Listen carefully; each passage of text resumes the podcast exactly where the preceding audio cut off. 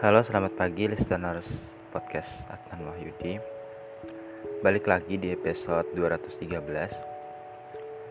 Maaf ya sebelumnya dua hari kemarin gak sempat upload karena lagi males saja. Istilahnya hiatus. Sedikit bahas hiatus. Aku juga udah pernah bahas ini.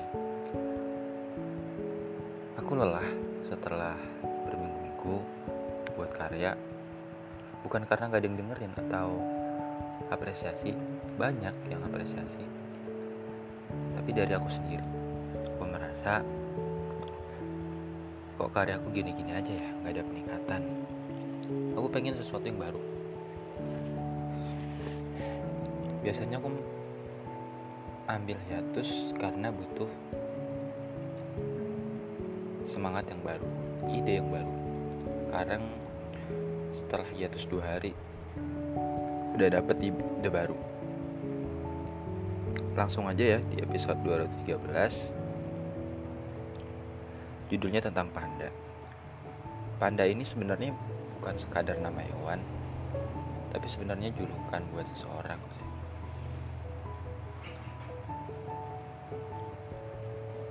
hewan panda itu kan hewan yang lucu imut dominan putih ada aksen hitam juga. Panda itu melambangkan ketenangan kedamaian bagi lingkungannya. Paham nggak? Banyak kan hewan yang melambangkan kedamaian tapi kenapa aku pilihnya panda? Karena panda itu unik. Dia lucu terus dia memberikan kenyamanan. Dia nggak merusak. Makanannya pun bambu. Dan bambu kadang ada yang berbahaya. Tapi ada juga yang lunak. Panda itu makannya bambu. Bambu itu keras. Dan dia bisa makan itu. Aku nggak bisa bayangin giginya tuh seberapa kuat gitu padahal bambu sendiri keras. Dari sini merepresentasikan bahwa panda itu adalah hewan yang lembut. Sesuatu yang keras akan menjadi lembut di hadapannya. Dalam hal ini kebaikannya. Bicara soal panda, banyak perempuan yang seperti ini bisa mengubah sesuatu yang keras sesuatu yang kaku sesuatu yang agresif menjadi lembut tenang damai. Sehingga di sana kita dapatkan harmonisasi kehidupan. Bahwa hidup ini nggak melulu soal ambisi nggak melulu soal prestasi tapi juga tentang cinta tentang sayang. Makanya Tuhan menciptakan laki-laki dan perempuan itu saling berdampingan. Stereotip masyarakat kalau laki-laki itu keras ambisi, kaku, tegas. Sebaliknya perempuan, perempuan itu tenang, damai, nggak buru-buru. Intinya selalu memberikan nasihat terbaik.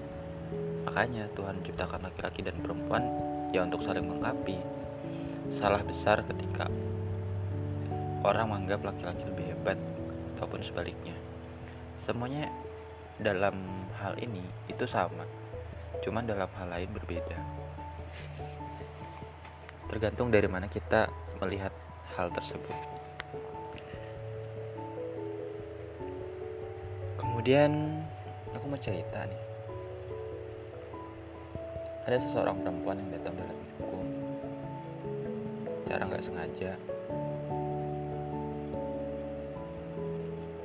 Aku rahasiain ya identitasnya. Intinya dia memberikan suatu perubahan yang berbeda. Bertahun-tahun aku nggak pernah merasakan namanya makna mencintai menyayangi dan apa pun. Kecuali dari keluarga saudara terdekat aku. Untuk dari orang lain belum pernah. Kenapa? Karena aku sibuk menyusun ambisi mengejar target mencapai impian sampai aku lupa untuk istirahat. Dalam tanda kutip ya. Maksudnya tanda kutip itu adalah melihat dunia dari sisi lain. Nggak melulu soal ambisi tapi dunia itu juga tentang cinta tentang kasih sayang. Aku merasa stuck gitu ketika ambisiku tercapai tapi kok nggak ada apa-apa? Tercapai ya sekedar tercapai. Nggak ada maksud lain yang lebih filosofis yang lebih buat kita bahagia. Nah dia ini datang memberikan aku pemahaman baru bahwa hidup itu juga soal cinta. Nggak ada orang yang hebat ya dalam mencintai. Yang ada adalah orang yang sama-sama belajar mencintai. Aku pengen seperti itu. Dia datang memberikan suasana baru dalam hidup meskipun proses ya untuk bisa merasa aman nyaman dan bisa mempertahankan hubungan itu proses. Pasti ada jatuh bangunnya juga kesalahpahaman juga. Pernah lihat nggak sih?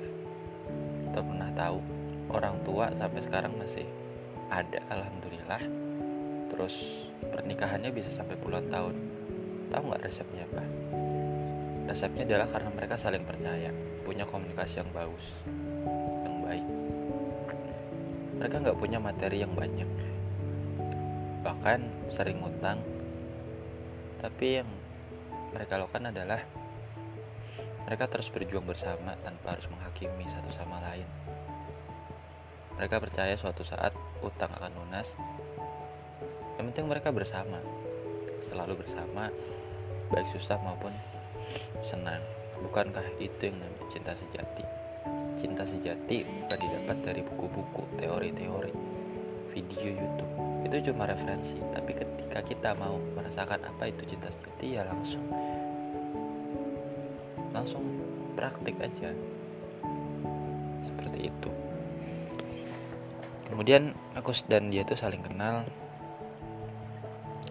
meskipun belum terlalu deket dan kenal ya dalam filosofisnya aku memahami apa yang dia rasakan itu juga sebaliknya tapi cukup ada semacam chemistry yang buat kita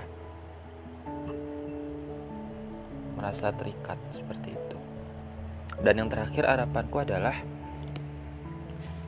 supaya hati ini bisa jaga perasaan, nggak berbalik ke lain hati, dan gak mudah menaruh hati kepada orang lain.